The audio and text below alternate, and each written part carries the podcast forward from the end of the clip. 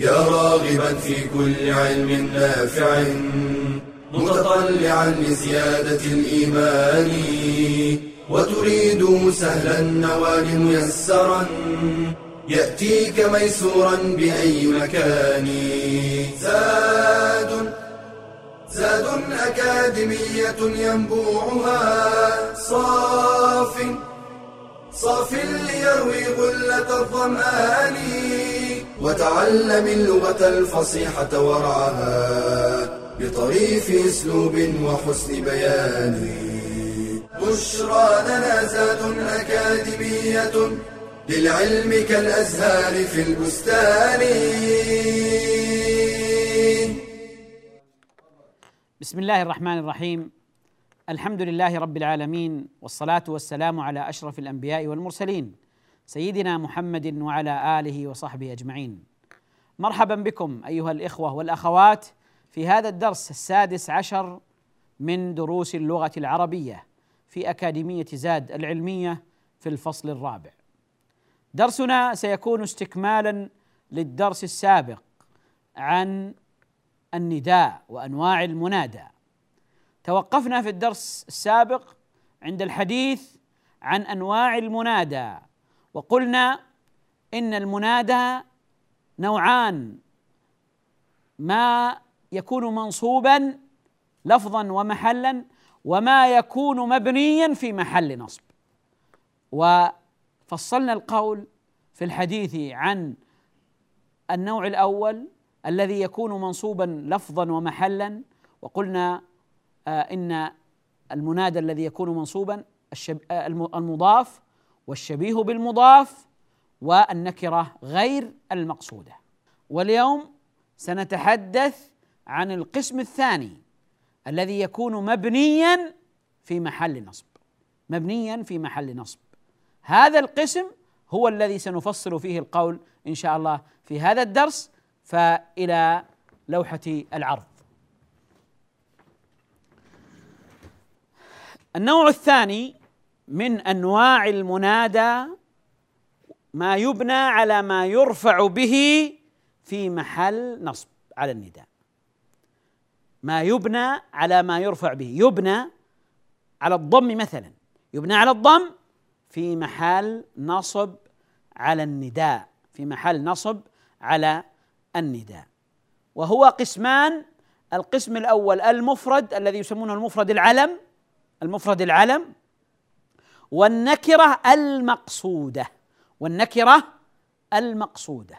فاذا إذا جاء المنادى مفردا علما يا خالد يا زيد يا محمد يا فاطمة يا هند يا ليلى.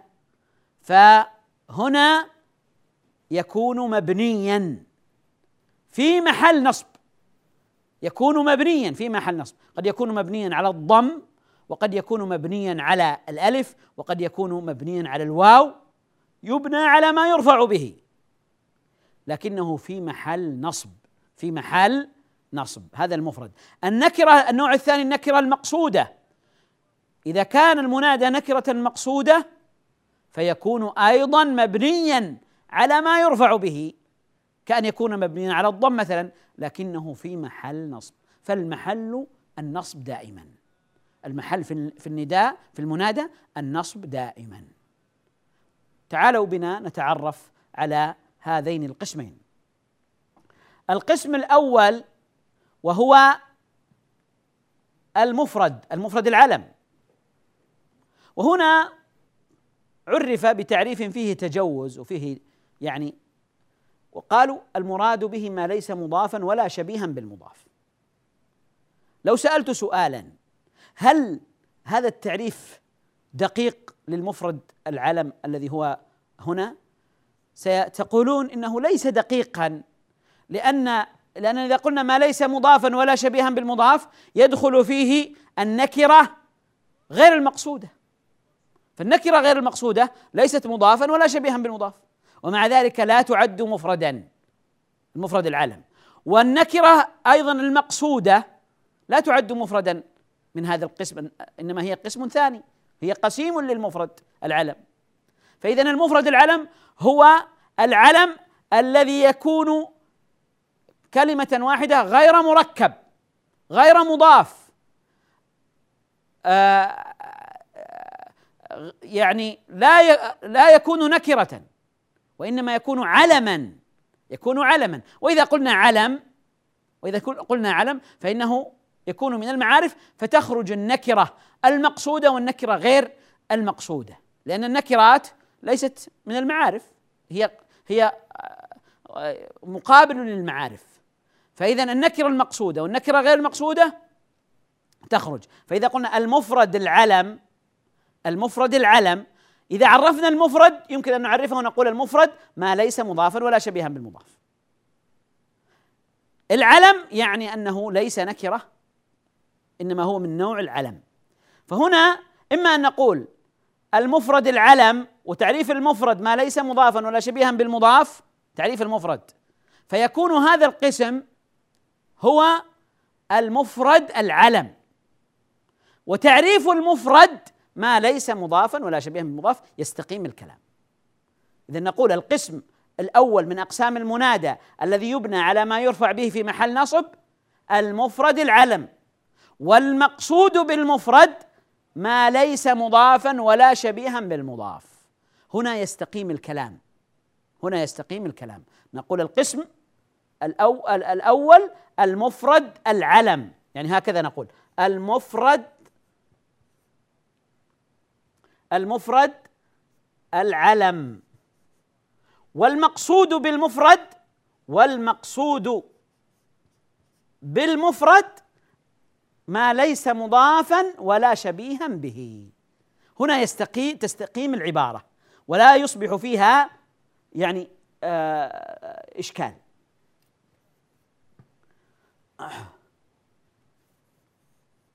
اذا القسم الثاني المفرد المفرد العلم والمقصود بالمفرد ما ليس مضافا ولا شبيها بالمضاف. يا علي أي زيدان.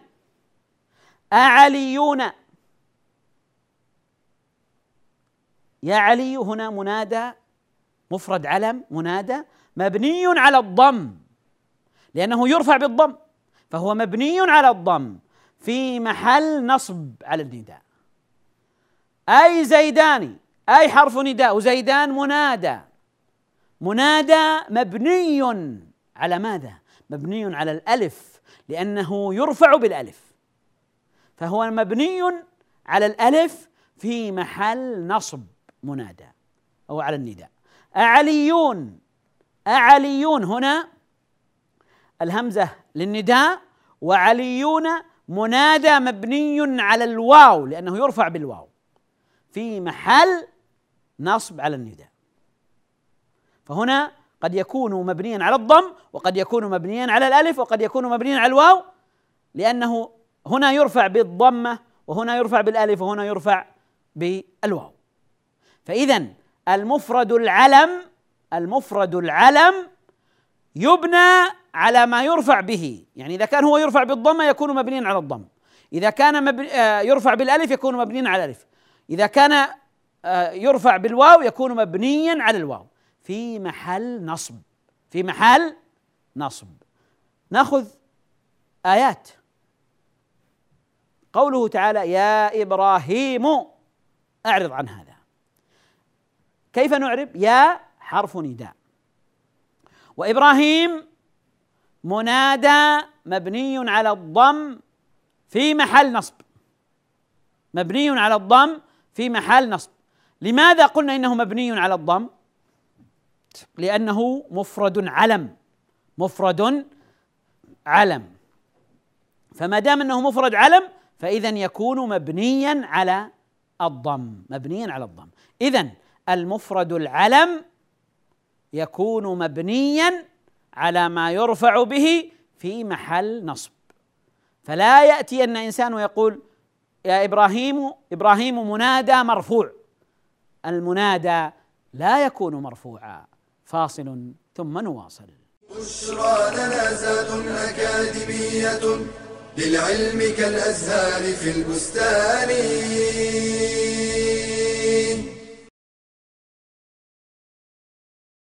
نزل الوحي الإلهي باللسان العربي المبين. قال تعالى إنا أنزلناه قرآنا عربيا لعلكم تعقلون. فتعلم العربيه يسهل فقه معاني الكتاب والسنة وكلام السلف. وكتب عمر إلى أبي موسى. أما بعد فتفقهوا في السنة وتفقهوا في العربية وعلم النحو هو علم بأصول يعرف منها أحوال أواخر الكلم اعرابا وبناء. والكلمة ثلاثة أقسام اسم وفعل وحرف والاسم منه مذكر كمحمد ومؤنث كعائشة ومنه مفرد كمسلم ومثنى كمسلمين وجمع وهو مذكر سالم كمسلمين ومؤنث سالم كمسلمات.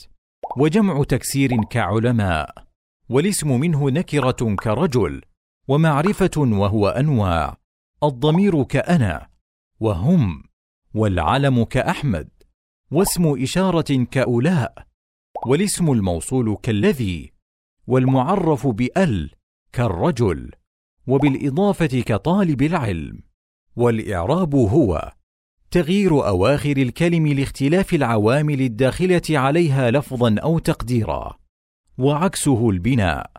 وأقسام الإعراب أربعة الرفع وعلامته الأصلية الضمه والنصب وعلامته الأصلية الفتحه والجر وعلامته الأصلية الكسرة ويختص بالأسماء والجزم وعلامته الأصلية السكون ويختص بالأفعال. والفعل ثلاثة أقسام ماض كذهب ومضارع كيذهب وأمر نحو اذهب. والماضي والأمر مبنيان والمضارع يعرب ويبنى والجملة إما اسمية وهي مبتدأ وخبر وإما فعلية وهي فعل وفاعل. فتعلم النحو واللغة لتفهم نصوص الوحي. فإنه نزل إلينا. بلسان عربي مبين. بشرى لنا زاد أكاديمية للعلم كالأزهار في البستان. بسم الله الرحمن الرحيم. أيها الإخوة نواصل الكلام عن آه، النوع أو آه، الثاني من أنواع المنادى الذي يبنى على ما يرفع به في محل نصب وقلنا إنه آه، إن هذا النوع قسمان. القسم الأول المفرد العلم وذكرنا أمثلة على ذلك ووقفنا عند قول الله عز وجل يا نوح اهبط بسلام يا حرف نداء ونوح نوح منادى مبني على الضم في محل نصب. منادى مبني على الضم في محل نصب. يا داود إنا جعلناك خليفة. يا حرف نداء. وداود منادى مبني على الضم في محل نصب. الذي يجمع هذه الأمثلة وهذه الآيات كلها أن المنادى أن المنادى مفرد علم. مفرد علم. ومعنى مفرد ليس مضافا ولا شبيها بالمضاف. وعلم يعني هذا النوع من أنواع المعارف. يخرج النكرة المقصودة والنكرة غير المقصودة. والنكرة غير المقصودة. طيب لو قال قائل ماذا لو كان المنادى غير علم؟ كأن يكون مثلا اسم إشارة يا هذا يا هذا يا ذاك يا هؤلاء. نقول هنا منادى مبني على السكون على الكسر في محل نصب أيضا. فهو في الأصل منا فهو في الأصل مبني قبل النداء فيبقى على بنائه لكن محله هنا النصب. يا هذا أقبل يا هذا أقبل. فهذا اسم إشارة منادى مبني على السكون في محل نصب. فهو مبني قبل النداء فيبقى على بنائه لكن محله لكن محله النصب. فإذا هنا هذا القسم نقول عنه إنه المفرد العلم والمقصود بالمفرد ما ليس مضافا ولا شبيها بالمضاف. فهنا ما حكمه؟ يبنى على ما يرفع به. فننظر يرفع بماذا لو كان مرفوعا؟ لو كان في في عبارة أخرى مرفوعا. يرفع بماذا؟ إن كان يرفع بالضمة فسيكون هنا مبنيا على الضم في محل نصب. إذا كان في في في في سياق آخر أو في جملة أخرى في غير النداء يكون مرفوعا بالألف فهنا في النداء يكون مبنيا على الألف في محل نصب. إذا كان في غير النداء مرفوعا بالواو فيكون هنا مبنيا على الواو في محل نصب في محل نصب. هذا المفرد العلم. القسم الثاني من المنادى الذي يبنى على ما يرفع به في محل نصب القسم الثاني هو النكرة المقصودة. النكرة المقصودة. وماذا نعني بالنكرة المقصودة؟ هي النكرة التي يقصد بها شخص أو شيء معين فيفيدها النداء تخصيصا يعني النداء يخصصها. يعني حينما يكون معي طالب فأريد أن أوجه له نداء وتوجيها خاصا. أقول له أي طالب لا تنسى درس التوحيد. أقصده بعينه. أقصده. لكن ما ناديته باسمه وإنما ناديته بوصفه. ناديته بوصفه. فقلت له أي طالب أي طالب لا تنسى درس التوحيد. أي طالب يعني يا طالب يا طالب أنت فأنا لم أناده باسمه يا محمد يا خالد يا زيد وإنما ناديته بوصفه بوصفه طالبا. فأقول يا طالب أي طالب هنا طالب في أصلها نكرة لكن هنا في هذا السياق في هذا النداء جاء مقصودا يعني محددا. مخصصا. لي لا ليس المقصود ليس هدف وغرض المتكلم أن يكون خطاب أن يكون خطابه لكل طالب وإنما لهذا الطالب بعينه. هيا ممرضات اعتنين بالجرحى. يخاطب ممرضات مخصوصات ليس كل الممرضات. فهنا هيا ممرضات هيا ممرضات اعتنين بالجرحى. سؤال. لو أردنا لو أراد المتكلم نداء لكل الممرضات ماذا سيصنع؟ سيكون هنا نكرة غير مقصودة. ماذا سيقول؟ سيقول هيا أو أيا أو يا ممرضاتي ها؟ يا ممرضاتي.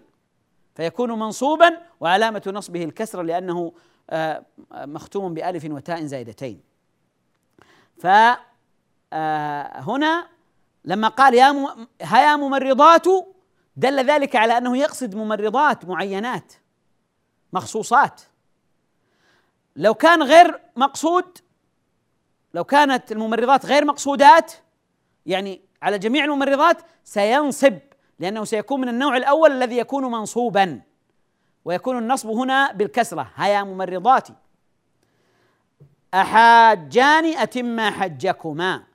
هنا يقصد اثنين من الحجاج معينين. أي حاج أحاجان أتم حجكما. لو أردنا أن نعرب نقول آ حرف نداء.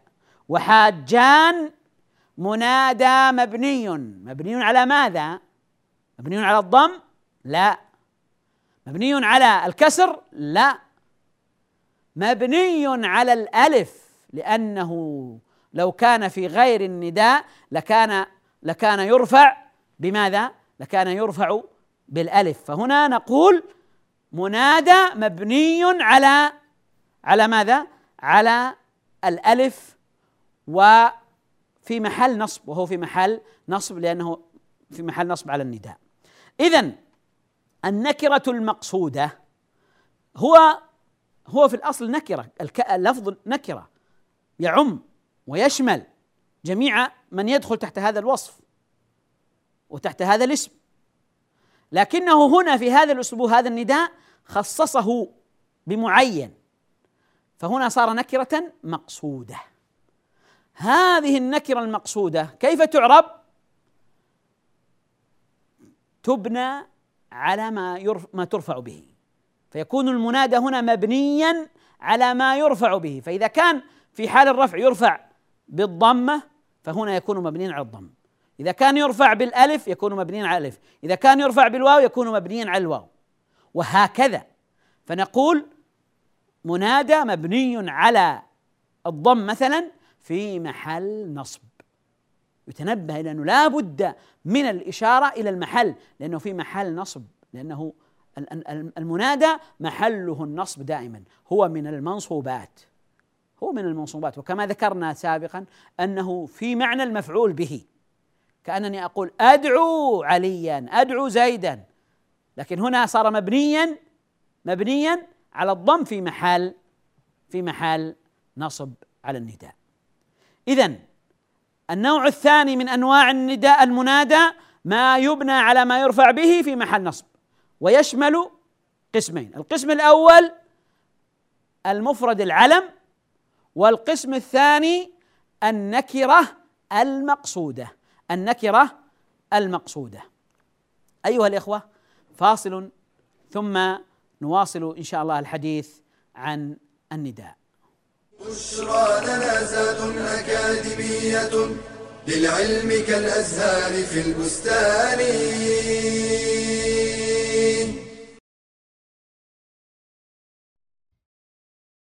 يموج العالم بأنواع من المعاملات والعقود منها الحلال ومنها الحرام. فهل تعلم هذا من ذاك؟ فيلزم التاجر أن يتعلم فقه البيوع وأركان البيع وشروطه حتى يكون بيعه صحيحا ويتجنب البيوع المحرمة ويتعلم الربا وصوره. وما يشترط فيه التقابض والتماثل معا أو التقابض فقط. حتى لا يقع في الربا. ويلزمه معرفة البيوع المنهي عنها كبيع المحرمات كالخمر والغرر كبيع الطير في الهواء وبيع ما لا يملك والقمار. ويلزمه تعلم أنواع الخيار كخيار المجلس وخيار الشرط وخيار العيب حتى لا يظلم المشتري. ويتعلم أحكام القرض ما يصح إقراضه وما لا يصح وكيف يتصرف مع المماطل حتى لا يقع في الربا أو الظلم ويتعلم القبض وصوره فقبض كل شيء بحسبه فإن كان موزونا فقبضه بوزنه وإن كان ثيابا ونحوها فقبضها نقلها وإن كان مما لا ينقل فقبضه بالتخلية. ويتعلم أحكام الإجارة كحرمة مماطلة الأجير. قال صلى الله عليه وسلم أعطوا الأجير أجره قبل أن يجف عرقه. ويتعلم أحكام الزكاة حتى يعرف كيف يزكي أمواله وليعلم أن الضريبة لا تغني عن الزكاة. ومن احتاج معاملة تعلم فقهها حتى لا يقع في الحرام. قال تعالى وما كان الله ليضل قوما بعد اذ هداهم حتى يبين لهم ما يتقون ان الله بكل شيء عليم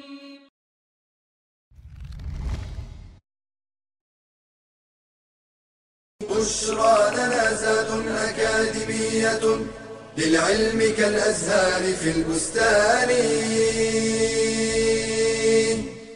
بسم الله الرحمن الرحيم. اذا أيها الإخوة كنا قبل الفاصل قد تحدثنا عن النوع الثاني من أنواع المنادى وهو ما يبنى على ما يرفع به في محل نصب. وخلاصة الكلام أن المنادى على نوعين. منادى يكون منصوبا ومنادى يبنى على ما يرفع به في محل نصب. يبنى على ما يرفع به في محل نصب. النوع الأول الذي يكون منصوبا هو ثلاثة أقسام. المنادى المضاف يا طالب العلم. المنادى الشبيه بالمضاف يا طالبا علما يا طالعا جبلا. المنادى الذي يكون نكرة غير مقصودة. كما يقول الأعمى يا رجلا خذ بيدي. النوع الثاني من أنواع المنادى ما يبنى على ما يرفع به في محل نصب. محله النصب لكنه مبني وهو وهو قسمان. القسم الأول المفرد العلم. المفرد العلم. والمقصود بالمفرد ما ليس مضافا ولا شبيها بالمضاف. والعلم هو النوع من أنواع المعارف الذي آه، يعين مسماه آه، مطلقا. يعين مسماه مطلقا. يا زيد يا علي يا خالد يا إبراهيم يا داوود يا نوح وهكذا. فهذا يبنى على ما يرفع به في محل نصب والقسم الثاني النكرة المقصودة. هو في لفظه نكرة لكنه يقصد به شخص أو شيء بعينه. يا يا رجل تفضل معنا. يا رجل تفضل معنا. رجل نكرة لكن إذا قلت يا رجل فأنا أقصد رجلا بعينه. ها؟ أقصد رجلا بعينه فهنا نكرة مقصودة. يا رجل تفضل عندنا. فهنا يكون آه منادى مبنيا على الضم في محل نصب. منادى مبني على الضم في محل نصب. نكرة مقصودة. هذه هي أنواع المنادى. هذه هي أنواع المنادى. ننتقل بعد ذلك إلى أمر آه، متعلق بحرف النداء. حرف النداء الأصل فيه أن يذكر. الأصل فيه أن يذكر. لماذا؟ لأن لأنه هو الذي يدل على النداء. هو الذي يدل على النداء. طيب هل يجوز أن يحذف؟ نعم يجوز أن يحذف حرف النداء إذا فهم أن هذا نداء. إذا فهم أن هذا نداء فإنه يحذف حرف النداء. حينما أقول أمحمد أو حينما أقول محمد أقبل محمد أقبل فهنا يفهم من السياق ومن أدائي أنه نداء محمد أقبل. فهذا نداء.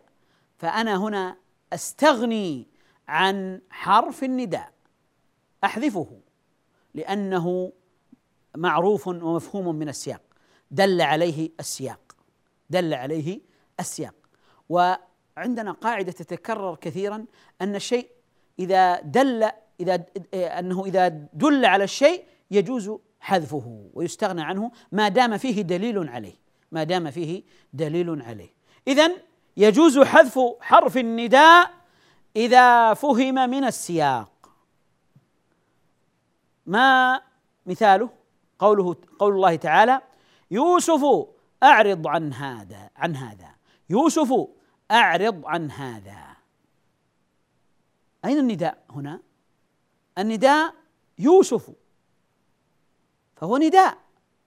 وبعده أعرض عن هذا أمر أعرض عن هذا. والسياق كل السياق كله يدل على أن هذا نداء. يوسف أعرض عن هذا. فيوسف هنا منادى. أين حرف النداء؟ حرف النداء محذوف. لأن السياق يدل على أنه نداء.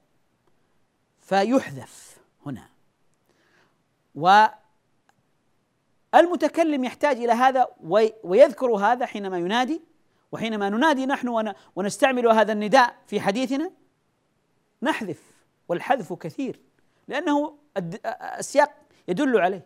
حينما أنادي ابني في البيت أقول عبد الرحمن محمد يوسف إبراهيم وهكذا.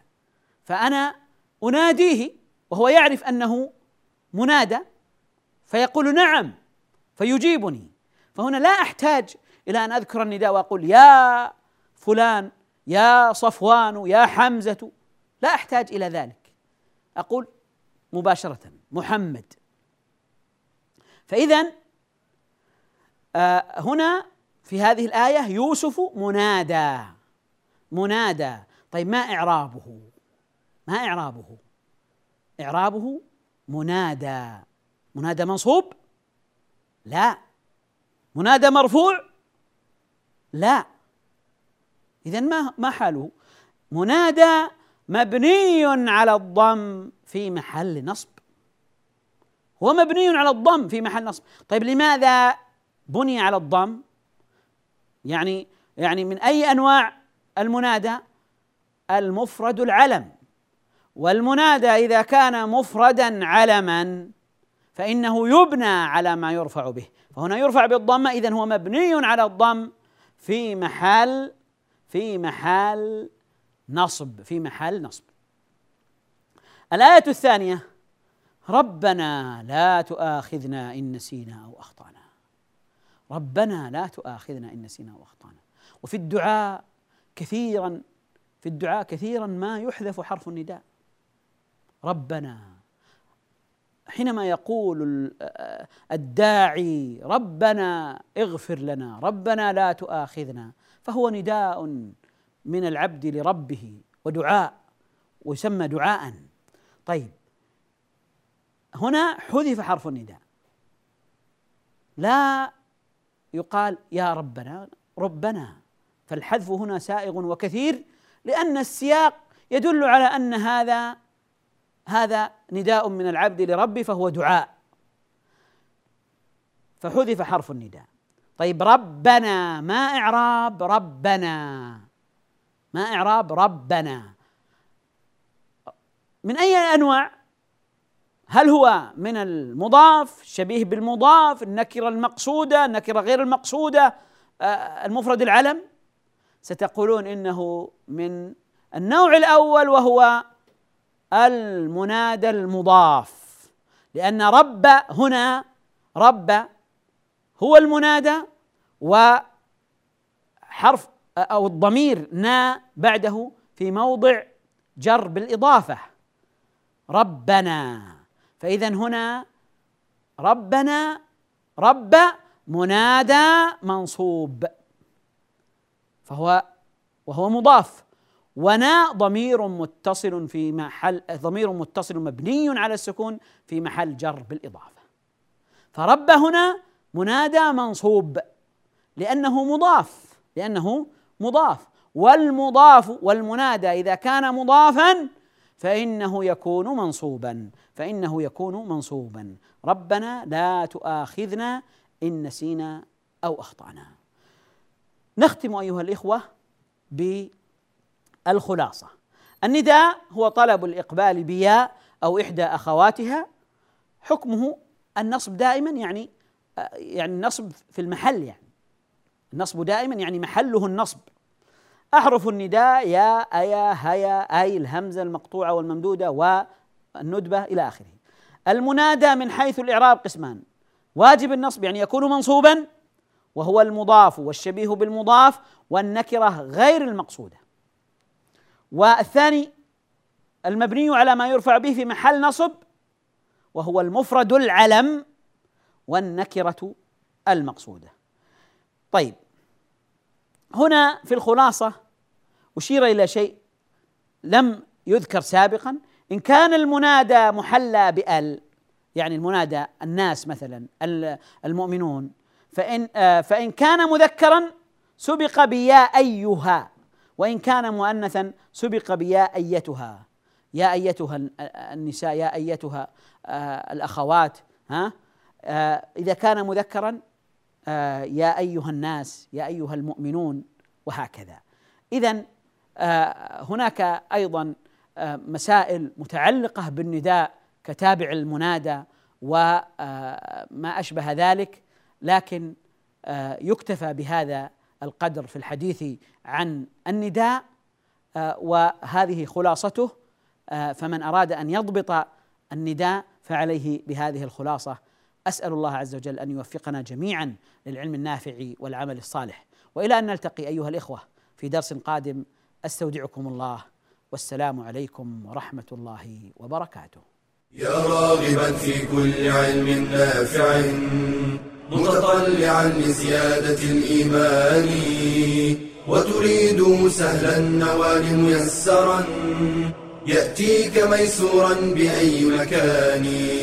زاد زاد أكاديمية ينبوعها صاف صاف ليروي غلة الظمآن وتعلم اللغة الفصيحة ورعاها بطريف أسلوب وحسن بيان. بشرى لنا زاد أكاديمية للعلم كالأزهار في البستان.